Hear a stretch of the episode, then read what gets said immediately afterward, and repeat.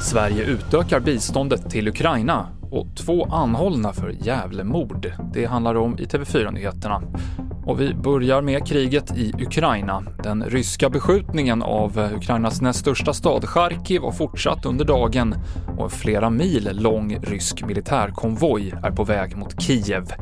Gårdagens samtal mellan Ryssland och Ukraina har inte lett till något eldupphör, men parterna kom överens om att mötas på nytt senare i veckan.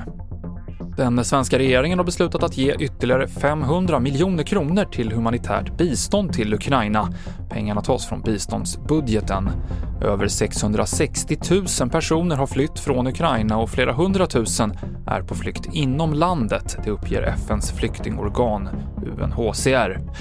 Carolina Lindholm Billing på UNHCR befinner sig i Kiev och hon säger så här om situationen i östra Ukraina. Människor sitter ofta fast i, i, eh, i skyddsrum och, och försöker komma därifrån och fly men kan inte komma ut de här skyddsrummen för att eh, de militära aktiviteterna är, är så, så omfattande.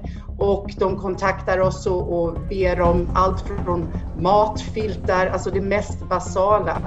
Och eh, även lokala myndigheter där eh, ber om hjälp med att hjälpa människor ta sig från de här eh, områdena där, där det är väldigt farligt att befinna sig just nu och ta sig till centrala eller, eller västra Ukraina i säkerhet. Men det är oerhört svårt med, eh, eftersom det inte finns några säkra korridorer. Mer om kriget i Ukraina på TV4.se och TV4 Play. Igår eftermiddag hittades en kvinna svårt skadad utomhus i Andersberg i Gävle. Hon avled senare på sjukhus och polisen utreder det här som mord.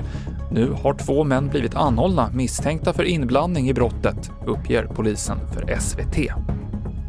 Och en 49-årig man döms till fem års fängelse av Hässleholms tingsrätt för att ha tillverkat termosbomber, alltså vanliga termosar som fyllts med explosiva ämnen. Mannens DNA hittades på termosbomber i både Borås och Malmö.